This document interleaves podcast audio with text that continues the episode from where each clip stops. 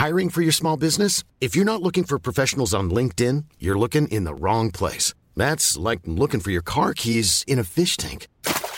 LinkedIn helps you hire professionals you can't find anywhere else, even those who aren't actively searching for a new job but might be open to the perfect role. In a given month, over 70% of LinkedIn users don't even visit other leading job sites. So start looking in the right place. With LinkedIn, you can hire professionals like a professional. Post your free job on linkedin.com slash people today.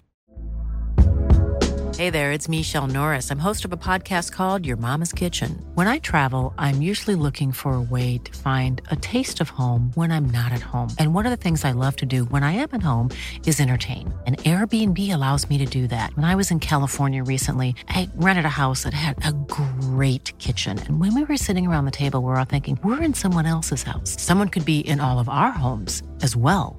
If you have a home, but you're not always at home, you have an Airbnb. Your home might be worth more than you think. Find out how much at airbnb.com/slash host. Wow. Nice. Yeah. What you're hearing are the sounds of people everywhere putting on Bombas socks, underwear, and t-shirts made from absurdly soft materials that feel like plush clouds. Yeah, that plush. And the best part? For every item you purchase, Bombas donates another to someone facing homelessness. Bombas. Big comfort for everyone. Go to bombas.com slash ACAST and use code ACAST for 20% off your first purchase. That's bombas.com slash ACAST. Code ACAST.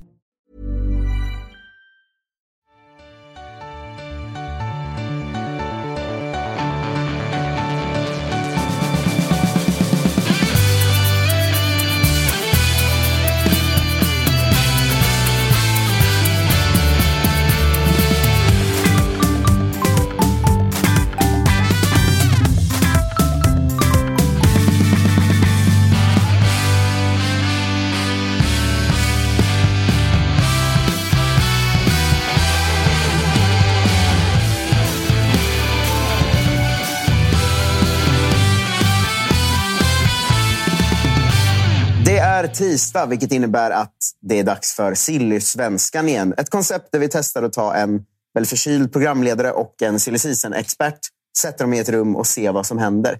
Eh, Det är jag som gör det ihop med Jos Bladan. Tja! Tjena, tjena. God morgon. Eh, Jag ska också få in att det kallas internt för gossip med Josip för att eh, det rimmar. Ja. Ehm, Det har varit en ganska... Tack start. Det har varit en ganska händelsefattig vecka i klara övergångar. Ehm, vad tror du att eh, det beror på? Det är cup om fyra dagar nu när vi släpper det här. Eh, sportcheferna och lagen börjar landa i Sverige igen efter eh, lägren. Finns det något i att vi inte varit hemma och det är därför man inte rott saker i land och det kommer börja hända massor nu? Eller tror du att eh, det är någon annan anledning att det inte har... Eh, det har inte rott så mycket i land senaste veckan. Nej, jag tror väl det är framförallt det förstnämnda som du är inne på. Eh, att många har varit lite överallt. Eh, och de här, även om fönstret har stängt, som vi var inne på förra veckan, eh, i de, de stora eh, fotbollsländerna så är det fortfarande att man letar lösningar även för spelare som ska lämna eh, stora klubbar. Eh, så att även om de om de inte är, eh, eller om statusen är lite oklar och så vidare, så väntar man nog in någon vecka till och ser lite kanske att det kommer någon oväntad skada till exempel i något lag och någon som man har räknat med ska försvinna helt plötsligt blir kvar. Um, och sen då det, den geografiska biten då att sportcheferna är tillbaka på, på sina kontor. Det omöjliggör ju inte en, en övergång bara för att man är i Marbella eller för att man är på träningsläger. Ta Malmö som exempel som flög ner Botheim dit när man var där. Uh, Men uh, timingmässigt och, och strukturmässigt så tror jag att det är ganska mycket lättare för ganska många att sköta det när man är tillbaka i, i viss form av rutin igen. Eh, Det är ändå ganska långt kvar till svenska fönstret stänger ju. Mm. Eh, Men som sagt, tävlingsmatcherna drar igång. Tror du vi har mycket kvar att se från de svenska lagen? För att det var en ganska aktiv start på fönstret. Eh, Men, men som sagt, det har, det har gått ner lite i tempo. Framförallt kanske i de mest omsnackade. Malmö har gjort klart Kina, känns det som. Djurgården gjorde väldigt mycket in i början. Eh, Hammarby verkar inte göra så mycket. Tror du att det är mycket kvar som kommer hända eller har vi eh, rott i land mycket av det som kommer ske också? Jag tror väl att det kommer nog hända lite till i, eh, i vissa eh, klubbar. Framförallt Djurgården och AIK. Eh, där kommer det nog komma in eh, ett par namn till. Peking eventuellt. Då. Eh, nu var det ju timingmässigt väldigt bra att det blev eh, snack om Max Watson igår. Eh, tidigare Mjällby-försvararen eh, som har varit i Slovenien, i Maribor. Och som kommer tillbaka. Allt, för, eller, allt tyder på att han kommer tillbaka till Sverige och att han då förstärker Peking på, på mittbackspositionen. Eh, kom ju också sent igår om Rami Kaib som inte alls har fått det att fungera i, i Djurgården. Eh, också aktuell för en flytt tillbaka då till Elfsborg. Eh, till eh, liksom, klubben som skickade ut honom i Europa en gång i tiden. Eh, och, eh, ja, det är väl egentligen de två. Sen är det ju tränarfronten det har varit mest hetsigt kring och det är inte kanske tränare i allsvenskan utan en tränare med allsvensk koppling som är aktuell för eh, det finaste jobbet vi har i, i landet, det vill säga förbundskapten. Ja, men vi kan väl börja där. Jag tänker vi ska gå in lite mer på de här specifika lagen och spelarnamnen sen också. Eh, men eh, efter vi spelade in förra gången har Tuttosvenskan först kunnat avslöja att huvudspåret från SVFF är Jon Dahl Tomasson. Ehm, som Man är till och med muntligt överens. Till och med muntligt överens. Ja. Vad kan du säga där? Kan du ta det från ja, men därifrån. De är muntligt överens. Ja. Ehm, hur långt ifrån en lösning tror du att man är och kommer vi få något presenterat snart? För att eh, vårt landslag har varit utan tränare ett tag nu. Det, det, är väl 80 dagar, lite mer. Ehm, men diskussionen då, alltså Jon Dahl Tomasson dök ju först upp som namn i Fotbollskanalen någon gång i januari. Ehm, problemet har ju då varit hans, eh, eller problemet, hans, han har ju haft ett jobb eh, och då som huvudtränare för Blackburn i Championship Eh, Eh, och eh, sen sipprar väl fram mer och mer uppgifter om att han och ledningen inte drog jämnt kring eh, till exempel budget eller truppförstärkningar och lagbyggen och så vidare. Och då sen kom väl, tror dagen innan vi avslöjade så kom det då från Aftonbladet att Jens Gustafsson och Jon Dahl var då att det stod mellan dem kring det här jobbet och sen så kom det då en muntlig överenskommelse mellan Jon Dahl och förbundet. Han är sugen på uppdraget. De vill ha in honom. Han passar in i många Eh, nästan alla eh, de här eh, profilkraven eller boxarna eller vad man vill kalla det eh, från förbundshåll. Eh, och då var det ju då det, det primära var för förbundet som vi alla vet har vissa ekonomiska bekymmer eller sparkrav i alla fall om att lösa hon, eller att han ska lösa ut sig själv från Blackburn. Och där har det väl varit lite motstridiga uppgifter att vissa hävdar då, eller klubben har ju meddelat utåt att det skedde eh, i då en gemensam överenskommelse, vilket gör att då SVFF inte eh, normalt sett ska vara betalningsskyldiga för att då har de på något sätt kommit överens om att bryta. Eh, samtidigt som det kom information om att Blackburn ändå, om Jon Dahl Tomasson skulle få ett uppdrag i närtid, att de ville ha någon form av ekonomisk kompensation. Eh, så får vi se vad det leder till. Men det är den ekonomiska och skattemässiga biten som är den primära Eh, det, eller det primära frågetecknet kring när och om det här blir officiellt. Då. Eh, det ska lösas. Det finns ju. Går vi in lite på Sillyskolan också, men det är när vi pratar om sign-on bonusar och liknande så måste du ha varit utanför Sverige ett visst antal dagar eh, för att du inte ska då beskattas enligt normalbeskattningsprincipen. Så allt är över då. Allt som är över 50 000 eller 46 eller 48 någonting däromkring ska då vara marginalskatt. Eh, och istället då kan du få en klumpsumma där du bara eh, skattar 15 procent. Så att det är väl den lösningen de försöker kika på och se då, räkna lite dagar och hur länge han har varit borta. Eh, han var ju var i MFF och gjorde det väldigt, väldigt bra eh, och gick sen vidare då till, till det här jobbet i England. Så tiden får väl utvisa, men det råder väl inga, inga som helst tvivel om att även om förbundet inte vill kommentera någonting utåt av respekt till processen och så vidare så är det ju, har ju svårt att se att, att eh, det skulle vara någon annan i det här läget. Möjligtvis då om man inte kommer överens om det ekonomiska, att man går för Jens Gustafsson. Men där är det också ett ekonomiskt bekymmer för han är ändå under kontrakt med eh, sin polska klubb. Så vi får, tiden får väl utvisa vad som händer. Om man ska ta vid lite Sillyskola där så känns det som att de senaste åren så har klubbarna liksom insett att vi kan också ta lite betalt för våra tränare. Att förr känns det som att ah, vi plockar han och, och det är inte som en spelare riktigt, utan eh, vi kan bara ta en tränare för vi är ett större lag eller ett landslag. Eh, men hur mycket skillnad har det gjort i tränarjakter tror du att eh, om Malmö FF till exempel vill ha en Rydström, att det numera är mer etablerat att ja, men då får ni betala lite för det? Jag tror att Rydström var någon form av eh, liksom, ska säga, avtalsmässig vägledning för att Rydström, till skillnad från andra tränare, hade i Kalmar då ett eh, spelarkontrakt.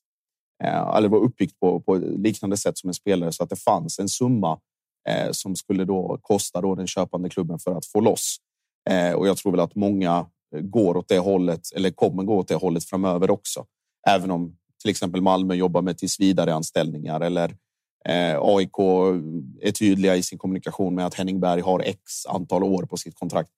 Eh, men jag tror att det är en utveckling som vi kommer få se mer av, det vill säga att du måste hitta andra sätt också för att få in mer pengar eh, och att då göra den typen av alltså att gå in med mycket pengar på en tränare är också en lika mycket investering som att gå in i en spelare. Nästan mer egentligen. Ju. Det är ju konstigt ja, att den här utvecklingen inte kom den, tidigare. För att den ena rekryteringen påverkar ju också de andra. Så, så har du en bra tränare som utvecklar till exempel unga spelare eller som i nu Kim Hellbergs fall att plötsligt ser August Mikkelsen ut som den August Mikkelsen alla trodde han skulle vara. Eh, att du får fram de bitarna också. Då går det ju liksom dubbelt plus. Så att om du kan sälja både din tränare eller, köpa, eller få någon att köpa ut honom Alternativt då att, du, eh, att han förädlar dina spelare ännu mer. Så att, ja, det är väl, det är väl ingen, ingen hemlighet att det kommer se ut så framförallt för storklubbarna eh, framöver. Ja, för det känns som ekonomiskt och sportsligt så påverkar ju en bra tränare mer än en bra högerytter gör. Ja, på, på sikt absolut. så att säga. Eh, en till fråga i, i pengasammanhang då, eh, som jag har sett det spekuleras runt lite om och tänkte kolla vad du tror om. Eh, det är det här att helt plötsligt så tar klubbar betalt av svenska klubbar. Att eh, Elfsborg köper en isländsk spelare för 10 miljoner. Sett att det ryktas om en, ett intresse för en dansk eller norsk spelare och helt plötsligt vill de ha 6 miljoner av en svensk klubb. Att den stora marknaden har ju höjts väldigt mycket, men även den lilla marknaden börjar höjas en del. Mm. Tror du att det också kan vara en grej som har tagit vissa sportchefer på sängen lite? Att eh, ja, men både Djurgården, eh, Norrköping som du säger. Sådär. Eh, vissa klubbar nu är i ett läge där kuppen börjar om fyra dagar. Det ska ändå in ett par spelare till. Alltså saker är inte på plats riktigt än. Mm. Tror du att det kan vara att oj, vi kan inte riktigt få spelare på samma billiga sätt som vi kunde för tre år sedan? Mm, ja, alltså jag förstår poängen. Sen är det också så alltså det här är ju marknadsekonomiska tendenser som syns i allting. Precis som om, om du vill sälja din snus till mig och du vet hur snusberoende jag är så kommer du medvetet att ha ett högre pris på den ju längre tiden går. Alltså det är utbud och efterfrågan, det är så det funkar. Sen har ju till exempel om du tittar om, om vi jämför Norge och Danmark. Eh, norrmännen har mycket högre övergångssumma, men kanske lite lägre lön eh, när spelare kommer då till allsvenskan. Så att en klubb, nu pratas det till exempel om Danilo Al-Said eh, succéspelare i Sandefjord. Ska eh, vara ja. på väg till Häcken då? Ja, Häcken har lagt ett bud på 12 miljoner kronor som har nekats och eh, fick veta sent igår också att Djurgården har gett sig in i, i den diskussionen och att det är väl en prislapp på runt 15, kanske till och med högre om det skulle bli ett, ett budkrig där. Eh, och det är väl också alltså just att den biten. Nu är ju Danilo svensk så att det, det liksom blir någon form av undantag. Men de norska klubbarna vill och kan och vågar ta betalt men spelarens personliga krav är inte lika höga. Jämför det med Danmark, att de kommer med mycket högre lön men för en lägre övergångssumma. Så att varje marknad har ju sin filosofi lite grann. Sen för, för den svenska, svenska marknaden, för de svenska sportcheferna, ta Djurgården som exempel. Djurgårdens tid av att kunna fynda spelare ganska billigt och inte behöva spräcka någon lönebudget eller ha sin ram på liksom att de inte är bäst betalda i allsvenskan eller däromkring. Den spricker, tror jag, på sikt nu för att dels vet alla vad Lukas Bergvall gick för eh, och eh, att den kassan som Djurgården har ändå liksom fått fram tack vare Europaspel och försäljningar gör också att klubbar som kanske sålde för 4-5 miljoner plötsligt kan ta 7-8 bara för att man vet att, att Djurgården har pengar. Och då kommer vi tillbaka till det vi pratade om innan. Ju större desperation och ju större behov av en spelare eller en förstärkning, desto mer kan den, den säljande klubben ta betalt. Så att det är ganska logiskt egentligen. Och lite störigt att de här, en liten klubb i Norge har förstått att oj, jag kan ju ta betalt av den här svenska klubben. Och det, mm. det försvårar ju vår marknad lite. Lite grann, ja. Men det är också, om vi tar en diskussion mellan svenska klubbar. Eh, Oliver Berg kanske från förra säsongen det tydligaste exemplet att du går mellan två storklubbar. Eh, men där var ju i Bergs fall blev det inte vad, vad varken han eller Djurgården hade önskat i det läget och då blev väl en, en 10 miljoner kronor är väl på något sätt någon plus minus noll, kanske en liten plusaffär för eh, Bosse Andersson där. Eller om vi tar ännu tidigare, liksom längre tillbaka, vad Edvardsen kostade från Degerfors en gång i tiden eller vad Malmö betalade för Mustafa Zidane i Sirius och så vidare. Så att klubbar, enligt den metodiken då, så kan ju mellanklubbar i Sverige ta ganska mycket mer betalt för sina bästa spelare när de säljer till topp fem men de tar ju ett helt annat pris när de säljer dem utomlands, vilket också säger sig självt. När vi hade var det Jonathan Ederström i Sirius som skämtsamt sa fuck off till Bosse om Wessam Abouali. Ja, då kanske han hade fått, om det hade blivit en affär, 10-12 miljoner. Men nu sålde han honom för nästan liksom det dubbla eh, till utlandet. Och det är, väl, det är väl en balansgång hela tiden eh, för sportchefer eller för klubbledningar att ta ställning till när det kommer anbud både inom Sverige men också utomlands. Eh, Egypten i det fallet med Vessam. Det finns ett par sådana marknader. Det finns Qatar, Saudi. Det fanns Kina förut som är lite, lite stängd nu. Hur mycket tror du att de svenska sportcheferna eh, skickar ut trådar dit att ni ska inte kolla på våra anfallare eller vi har en bra mittfältare på gång här för att övergångssumman faktiskt är kanske det femdubbla mot om man säljer till Holland. Alltså det, det tror jag, alltså framför allt om vi tänker ur en svensk kontext, Korea. Eh, Sydkorea har ju blivit en, en eh, jag ska inte kalla det succémarknad, men en oväntad lucka för många spelare, alltså Ludvigsson, Bojanic, eh, liksom folk som har varit där och, och sprungit runt tidigare och som är där nu också. Så att det är ju absolut en marknad som finns. Och sen är ju precis som, som den svenska marknaden utvecklas i att vi ser en justering i pris så har ju också Sydkoreas scouting blivit bättre. Att du kanske inte lägger de här drömsummorna på någon som, som har säg 6 plus 4 på 12 matcher, utan du, de är också bättre på att värdera det där. Men att de krokarna finns eller de marknaderna är aktuella för, för svenska spelare. Det är de ju. Sen, om, sen hur pass mycket sportcheferna jobbar med dem aktivt, det vet jag inte riktigt. Men det, likväl så, så finns det ju. Det, det finns en logisk eh, följd och en tråd som gör så att de marknaderna blir intresserade av svenska spelare också. Eh, jag ska ta med en svår fråga till dig då, för mm. Eh, det var två stycken som frågade den eh, direkt efter förra veckans avsnitt. Ja. Så jag tänkte att den, den skulle få leva. Det har inte hänt något nytt i det fallet nu här. Men eh, Zweite Bundesliga pratade vi lite om, framförallt i, i vanliga Tuttosvenskarna snitt, att helt plötsligt gick en hel drös svenska spelare dit. Eh, och frågan handlar väl eh, mer praktiskt om att för två år sedan gick en drös svenska spelare till Polen och mm. något år för fyra år sedan gick det jättemånga till Ryssland och för fem år sedan var det Zweite och nu är det Zweite igen. Vad är det som gör att helt plötsligt kommer det ett halvår där en liga, inte bara ett lag, utan en hel liga blir intresserad av massa svenska spelare? Ja, men det är ju tendenser på, på marknaden. Alltså att du en eller två bra försäljningar eller spelarprofiler eller vad man nu vill, alltså vilken kategori du än väljer.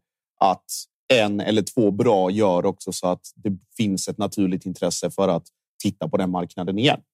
Eh, om vi tar Zweite Bundesliga som exempel. Det är ett ganska enkelt och bra val för svenska, vi kallar det genombrottsspelare, eh, som är liksom antingen att de har gjort en bra säsong eller är på väg att slå igenom i allsvenskan. För att det är ganska likt i många avseenden. Det är fullt, fullt tryck på läktarna. Det är bra fotboll. Det är många klassiska lag i Zweite så att det finns ju också ett intresse rent medialt och det är nära hem. Så att det är den, alla de aspekterna gör ju också så att det blir ett logiskt val. Vi hade ju för några år sedan också Holland där man gick dit och där väl kanske eh, det skiljer sig lite från säsong till säsong vilket lag som har det som har bra. Heerenveen som är liksom en traditionsrik svenskkopplad klubb eh, går okej, okay, men inte mer. Eh, nu har vi ju liksom eh, Bernhardsson i, eh, i Kiel eller Gudjonsson om vi ska kalla honom svenskkopplad i, i Rostock. Du har Bilal Hussein i Hertha Berlin. Dennis från Malmö som är i Hamburg. Så det finns ju. Det finns ju hela tiden tillräckligt bra spelare för att de ska göra ett avtryck på den nivån. Eh, sen att, att marknaden eh, förändras eller intressen från vissa specifika ligor förändras över tid. Det, det säger också sig självt. Men där är ju väl om vi tittar från de ligorna, om vi tittar nu Zweite. De tittar i Sverige för att det är välskolade spelare. Eh, det är en, en liga där om du värvar från ett offensivt lag att du kommer efter en viss anpassningstid så kommer du troligtvis att flyga i Tyskland eller i den miljön. Eh, du är inte liksom rädd eller orolig för publiktryck, för media, för press eller för någonting sånt. Och dessutom är det en relativt billig marknad. Eh, så att det är väl eh, på det sättet om vi tar Ahlstrand nu eller Bernhardsson att de kommer också till lag som har ambitioner att göra saker. Kiel har jobbat under väldigt lång tid med sina liksom, ska säga, små resurser, men att maximera dem så, så mycket de kan. St. Pauli har ju sin egen historia med, med allt, allting som den. Ryan Reynolds här från Mint Mobile. Med priset på nästan allt som går upp under inflationen, trodde vi att vi skulle bring våra priser down. So to help us, we brought in a reverse auctioneer, which is apparently a thing. Mint Mobile unlimited premium wireless. Ready to get 30, 30, bit to get 30, bit to get 20, 20, 20, bit to get 20, 20, bit to get 15, 15, 15, 15 just 15 bucks a month. So, Give it a try at mintmobile.com slash switch. $45 upfront for three months plus taxes and fees. Promo rate for new customers for limited time. Unlimited more than 40 gigabytes per month. Slows. Full terms at mintmobile.com. I'm Sandra, and I'm just the professional your small business was looking for. But you didn't hire me because you didn't use LinkedIn jobs. LinkedIn has professionals you can't find anywhere else, including those who aren't actively looking for a new job but might be open to the perfect role, like me. In a given month, over 70% of LinkedIn users don't visit other leading job sites. So if you're not looking on LinkedIn, you'll miss out on great candidates like Sandra. Start hiring professionals like a professional. Post your free job on linkedin.com/people slash people Nice. Yeah. What you're hearing are the sounds of people everywhere putting on Bombas socks, underwear, and t-shirts made from absurdly soft materials that feel like plush clouds.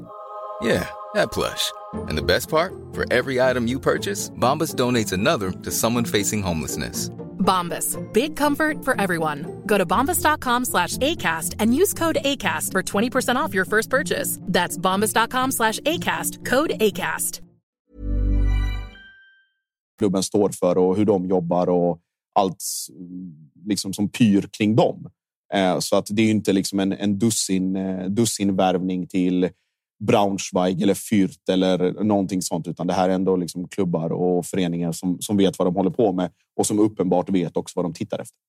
Fürth. Jag blir alltid glad när de nämns för Hergota fortfarande. är bra där. Eh, Branimir På tal om Hergota, svensk ja. eh, koppling. Ja. Eh, Jag tänker att vi ska gå in på lite mer specifika klubbar och namn. Då. Vi kan ju börja med Djurgården, tänker jag, eftersom vi pratar ganska mycket om vad som kommer hända och borde hända och måste hända där i, i gårdagens vanliga avsnitt av Tuttosvenskan. Där pratade vi ju mer ur ett åsiktsperspektiv. att Freddy som Djurgårdssupporter snackade om att vi borde egentligen värva in fyra, fem man till startelvan här. Och eh, Nordin Gerzic var inne på att det kommer komma ett par spelare i alla fall. Vad vet du rent praktiskt där? Vad är på gång? Finns det, du, du nämner att de kan ha getts in om Danilo här. Eh, Men vad, vad, mer vet du rent konkret? Som sagt, det är tävlingsmatcher om fyra dagar här. Ja, eh, det är väl eh, ytterligare kanske en ytter och en anfallare som man kikar på. Man ska lösa då situationen med Gurbanli. Det är ju fortfarande prat om att han ska eventuellt lånas ut. När du säger en ytter till, menar du att de har två parallella spår eller att du tror att de kommer ta in två yttrar? Eh, jag tror att det är två parallella spår. Eh, givet då att man, man kan inte gå in i en... Alltså så här, du vet vad du får av Falenius. Harris gör sitt, men han blir inte eh, yngre. Felix var är också oklart kring. Wikheim är fortfarande skadad och rehabbar. Så att det behöver komma in i alla fall ett givet namn där. Eh, anfallare, som sagt, med Gurbanli-situationen. Hymmet är också inne, eh, men det är inga, inga startande anfallare på över 30 omgångar, alltså att de är supergivna någon av dem. Eh, sen är det ju då Kaib ut eh, och att han går tillbaka till Elfsborg så kanske, kanske någon på den positionen. De har ju testat lite. Schüller spelade ju till exempel vänster ytterback mot, mot Mjällby när de var nere på Gran Canaria och, eh, och spelade där. Eh, och det finns väl lite, lite alternativ på, på den positionen. Men att det behöver hända, hända en del i Djurgården, det, är, liksom, det är, liksom, har ju varit tydligt i två, tre månader. Det är inga, inga överraskningar så. Nu öppnade han väl lite för att stanna och slåss med en plats eftersom det blev en, en bra träningsmatch här. Men eh, Sabovic har ju själv sagt att eh, han vill bort eh, tidigare. Eh, det har ju snackats väldigt mycket om att han ska bort. Vet du om det finns något mer konkret på bordet där nu eller är det fortfarande det här vi vill nog att han ska bort, men vi får se vad som händer läget. Ja, det är nog det sistnämnda. Alltså, Bessar var ju väldigt tydlig efter... Eh, Eh, jag tror det var i Fotboll Stockholm. Att han har inte fått någon förklaring till varför han inte spelar, utan han vill spela. Sen om det är Djurgården eller i en annan klubb, det, det får lösa sig lite grann. Men det finns nog eh, förhoppningar och tankar kring alla inblandade parter om att hitta, hitta en lösning på det där. Och I bästa situation, det handlar ju bara om att komma till en, en miljö och ett sammanhang där han är given och där han ändå får. Han är ju fortfarande i en bra ålder och ändå spelat utomlands. Så det är en, en, en bra allsvensk spelare. Eh, sen med, med Djurgården och allt vad, vad som pågår där och har pågått så känns det nog rätt för alla parter att hitta en, en ny miljö. Eh, att eh, helt enkelt bara få spela. Eh, Vi hoppar in på det du nämner där i Rami Kaib till eh, Elfsborg snackas det om nu då. Eh, det fortsätter det här med att eh, Bosse är ändå öppen för att släppa inom eh, Sverige de spelarna som kanske inte riktigt har flugit i Djurgården. Hur nära är det att faktiskt bli av? Cabe menar du? Mm. Jag tror det, den är i princip färdig. Alltså. Jag har svårt att se någonting annat. Att, det är nästan roligare i de här sammanhangen att titta på vad som inte sägs än vad som faktiskt sägs. Och det var väl det tydligaste exemplet nu när vi pratar om eh, Schüller som vänsterback och att liksom, det finns ingen given, men de, ändå sitter Kaib kvar länge, länge, länge på bänken i en träningsmatch mot liksom, Mjällby. Eh, och det, det säger väl också ganska mycket om hans, hans status där.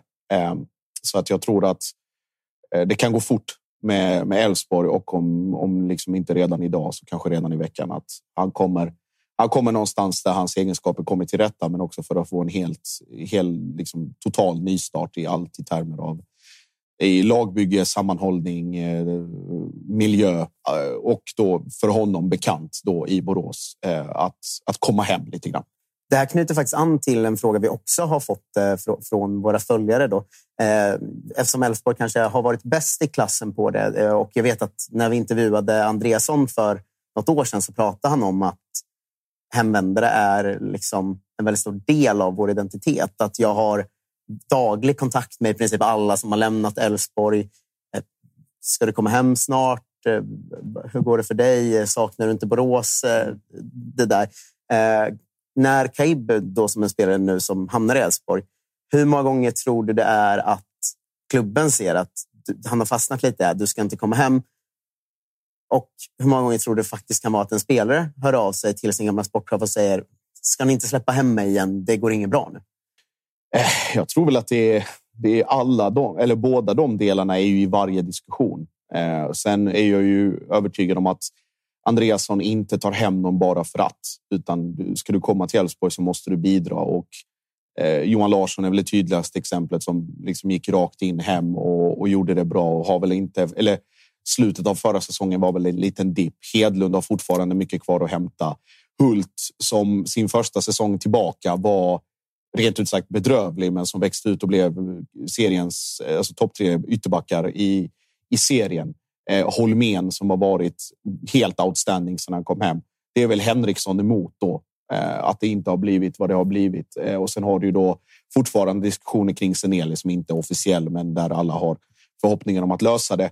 Så att Andreas som ringer dig, visst, bara för att också bara få kolla läget. Men han ringer ju inte heller eller gör någonting konkret av det om man inte tror att du kan bidra.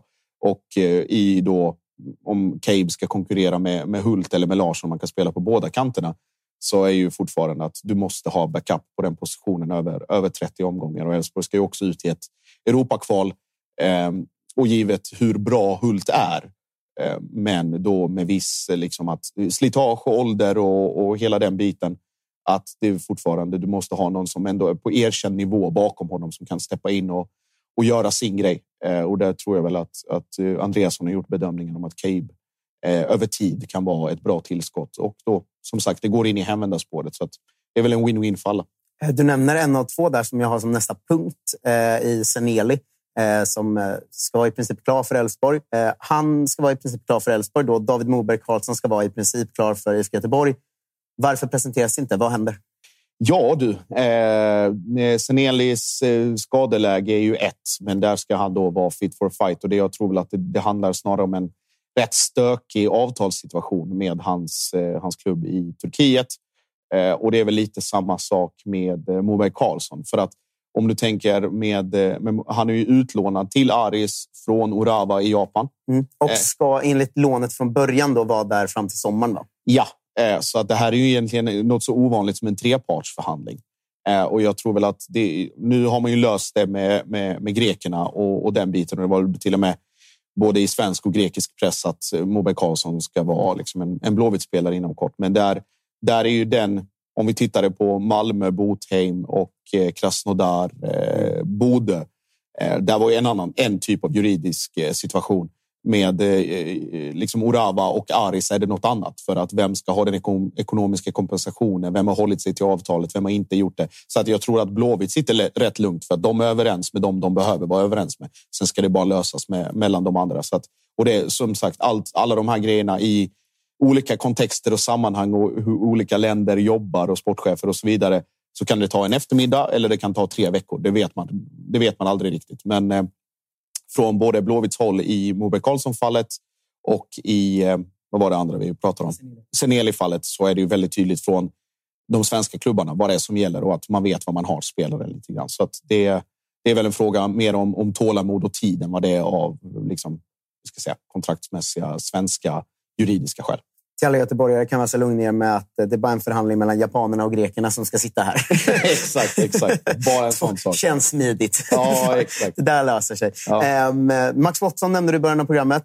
Uh, ska i princip vara klar för IFK Norrköping då. Är uh, klar, enligt, ja. Han är klar. Ja. Enligt, uh, det var Expressen som var först med Expressen skrev igår, ja. Um, det trillar in det vi har pratat om här, att det har funnits tydlighet att det ska ge en mittback till och en högerytter till. Eh, mm. Det, verkar bli, eller det blir Mats Watson som ny mittback. Då. Eh, har du hört något mer om vilken högerytter det kan vara tal om? Nej, eh, inga namn. Det verkar vara väldigt mycket silencio stampa i, i Norrköping, men likväl kommer grejer ut ändå. Det är mer bara att det är lite svårjobbat för tillfället för att det har ju hur ska jag säga, Peking-supportrar har ju varit lite bortskämda med att det kommer ut väldigt mycket och det pratas liksom ganska konkret om, om många namn tidigt in i processen. Gunnlaugsson som hela liksom stora följetongen kring det. Men att man har nog vridit till och, och liksom skruvat på en del eller skruvat av eh, en del kranar eh, inne i styrelserum och i katakomberna på Platinum Cars så att det inte ska läcka ut så mycket. Eh, så att man får, man får anstränga sig lite mer om man vill ha ut någonting därifrån. Men eh, som du pratar om med, med Watson, det är ju en, en habil, bra allsvensk mittback. Jag skulle säga att jag rankar honom lite högre, eller eh, lite högre, eh, högre än Sögård. Eh, och sen har du ju då eh, Sevan Kambo comebackande, där Anton Eriksson. Eh, och det blir ju en mittbackskonstellation där det egentligen inte, alltså där Eriksson är det givna valet och sen är det lite eh, från dag till dag vem som ska spela bredvid. Men jag tror att eh, givet att han kommer in nu så ser, ser man nog Watson och Eriksson som någon form av startande mittbackspar i, om vi pratar cup och, och sen premiär. Så, men en, en, en fin värvning. Eh, beror ju också lite på alltså så här, hur man ska ranka den i förhållande till vem, vem högerytten blir och vilka pengar man lägger på, på den positionen. Men eh, en, en, en bra värvning. Alltså inget, inget större än så. Det är inget, inget som gör att man ramlar av stolen, men det är inte liksom, du viftar inte bort det heller, utan det är någon med bra allsvenska meriter, Eh, och sen då ett utlandsäventyr nu de senaste åren. Så, Årets absolut. lag 2023 i, I Slovenien. I Slovenien. Ja, eh, ska, man inte, ska man inte underskatta, även Nej. om ingen av oss vet alls vad det innebär. eh, får man säga. Ja. Eh, Hammarby eh, har varit lite snack om senaste veckan. Eh, det är lite oklart vad som händer med mittbackarna där. Hur länge blir Kurtulus borta? Och, vilka ska spela? ska Vagic vara en startspelare nu? Det har ändå börjat öppnas från supporterhåll att borde vi inte få in en till där? Jag vet att Eh, Kim Hellberg, när han var med hos oss, pratade om att det kanske skulle kunna behövas en till eh, spelare också. Mm. Eh, vet du om det finns något konkret mittbacksintresse från Hammarby mm. eller tror du att de är klara?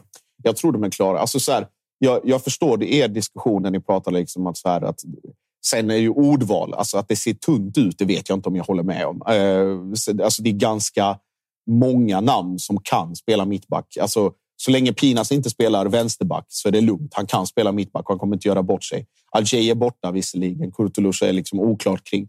Men Fenger och, och liksom, det finns fler alternativ på den mittbackspositionen. Det är väl snarare en Jaha, men ska du, om du ändå vill ha någon, ska du ta upp någon från HTFF eller gräva lite där du står? Eh, sen i, i termer av andra nyförvärv, nu kommer ju, eh, jag tror Divine Tia som, vi, eller som jag skrev nästan två år sedan att han var klar för, för Bayern. Han fyller ju 18 nu i mars eh, och ansluter här inom kort och ska väl vara klar, spelklar då eh, till, till alls, nu vårsäsongen. Eh, och sen är det då en av de här ASEC-spelarna. Jag tror det är Bozuma som han heter. Eh, som eh, ASEC, den ivorianska eh, akademin, ja. akademin. Precis. Och eh, jag tror Hjelmberg och, och Benson, eh, Mark Benson, agenten och ett par andra som har pratat om det här ganska öppet om att det, de är liksom, allt är färdigt där och de ska bara ansluta så fort de fyller 18. Så att Bozuma kommer i sommar och är väl klar från eh, andra halvan av säsongen medan Divine Tia fyller 18 nu och är redo från, eh, från premiären. Sen är det ju då en bedömning. Ska de, är de tillräckligt bra för att vara med direkt eller ska de fasas in via HTF och så vidare? Men där har Bayern stenkoll så att det behöver inte supporterna vara särskilt oroliga. Eh, har vi en avslöjar kolon i Kalmar sammanhang? Det kan vi ha. Eh, det kan vi faktiskt ha. Eh, det är lite oklart kring... Det är inte bara en random fråga, utan det är Nej, faktiskt något du har sagt ja, att jag precis. ska fråga om. Nej, vi fick, fick sent igår att eh, Magashi, eh, som tidigare gjorde succé i Värnamo, men som har haft det väldigt, väldigt tufft i AIK. Eh, och det var väl, jag tror det var Berntsen själv som sa att det har funnits intresse från en annan allsvensk klubb. Eh, och då trodde ju många att det var Värnamo. Men nu när Wendersson förlänger istället så känns det som att de är ganska bra på det där. Eh, det rör sig och enligt våra uppgifter om Kalmar FF. Eh, och att han skulle vara aktuell för, eh, för en flytt ner till, eh, till kusten och till, till Jontes gäng där nere. Så att eh, spontant när jag, när jag fick höra det och, och liksom började lägga ihop ett plus ett, det ju, känns ju som en supergiven eh, värvning. Eh, jättebra i alla avseenden. Kom, och så, så, lite som vi pratade om att Cabe, att komma till en miljö eh, och få en omstart. Att Magashi går rakt in i Kalmar eh, betvivlar jag inte. Jag tror att han kan göra det väldigt, väldigt bra. Eh, Romario Eh, som har varit given där eh, i så många år. Man har Gojani, man har en comebackande Kalle Gustafsson och skulle man få in Magashi också med vad han kan bidra med när han är på, på rätt plats och eh, presterar som han ska så är det ett väldigt, väldigt bra eh, innermittfält och så kan du flytta runt lite där och se vad som händer. Men eh, skulle det bli av eh, och då skulle de lösa det så är det bara att, att applådera Jörgen Pettersson och, och ligan där nere att man får en en spelare av den digniteten till en position som man, om man bara tittar på Kalmars mittfält, att ja, kanske vet inte om det behövs så mycket egentligen, men att när och om eh, Magashi blir klar så blir det ah, okej. Okay. Det behövdes. Det behövdes och så förstår man, förstår man hur, hur resonemanget har gått kring, eh, kring både profil och eh, förstärkning i termer av lagbygge. Så Eh, får väl vänta och se där lite vad som händer. Men att det är Kalmar FF som är intresserade av Magashi, det kan vi se här och nu. Eh, där kan man gissa att det inte handlar om några större summor heller, va? utan att eh, AIK vill släppa, Magashi vill bort, Kalmar vill ha. Det, det där löser man ganska billigt, va? Ja, jag tror inte att det blir någon större ekonomisk investering för, för KFF eh, i några som helst avseenden. Utan det är, det är en spelare som vill spela och som i sina, sina bästa stunder kommer vara given på det mittfältet. Eh, tävlingarna börjar i helgen med Mm. Svenska cupen. Eh, Det har som sagt inte hänt så mycket nu. Vi får se hur mycket som trillar in här eh, närmsta veckan. Eh, Det vi vet är att det kommer mycket stökiga matcher och mycket supportrar som skriker efter nyförvärv efter helgen. Och slutsatser kommer dras. Exakt. Växlar kommer dras också. Och sen så VSK, kan vi ju, nu släpper vi det här lagom till, till lunch, men VSK har ju presskonferens senare i eftermiddag. Och alltid Vet du roligt- något där? Nej, det är helt omöjligt att veta vad som händer i VSK för det är så otroligt spretig scouting eh, och spretiga värvningar. Eh, och det är också intressant för att av det man har förstått så den cirkeln som vet saker i Västerås är i princip den är väldigt, väldigt liten och i princip känns det som att det bara är Kalle Karlsson som vet. Eh, Så vi får väl, får väl vänta och se och hålla lite utkik där kring, kring de här presskonferenserna. Det är så fint att de livesänder dem på Facebook också. Det känns väldigt 2011 att Mm. göra. Men det, det är kul. Det piggar upp. Det gör det faktiskt eh, verkligen. Och eh, vi, vi kommer tillbaka som eh, alltid då, nästa tisdag med eh, förhoppningsvis och troligtvis kanske lite mer konkreta övergångar. Det känns ju ändå så, Mm. man säga. Absolut. Eh, tack för att ni tittade. Eh, följ oss överallt och lyssna på Tuttosvenskan nu, nu nästan varje vardag. Det är ändå Silversvenskan på tisdagar, vanliga måndag, onsdag, fredag. Lite watchalong också. Ja, lite watchalong ikväll och imorgon på Tutto Ja. Live-kanalen. Så det är bara att hänga på. Eh, vi hörs snart. Hej då.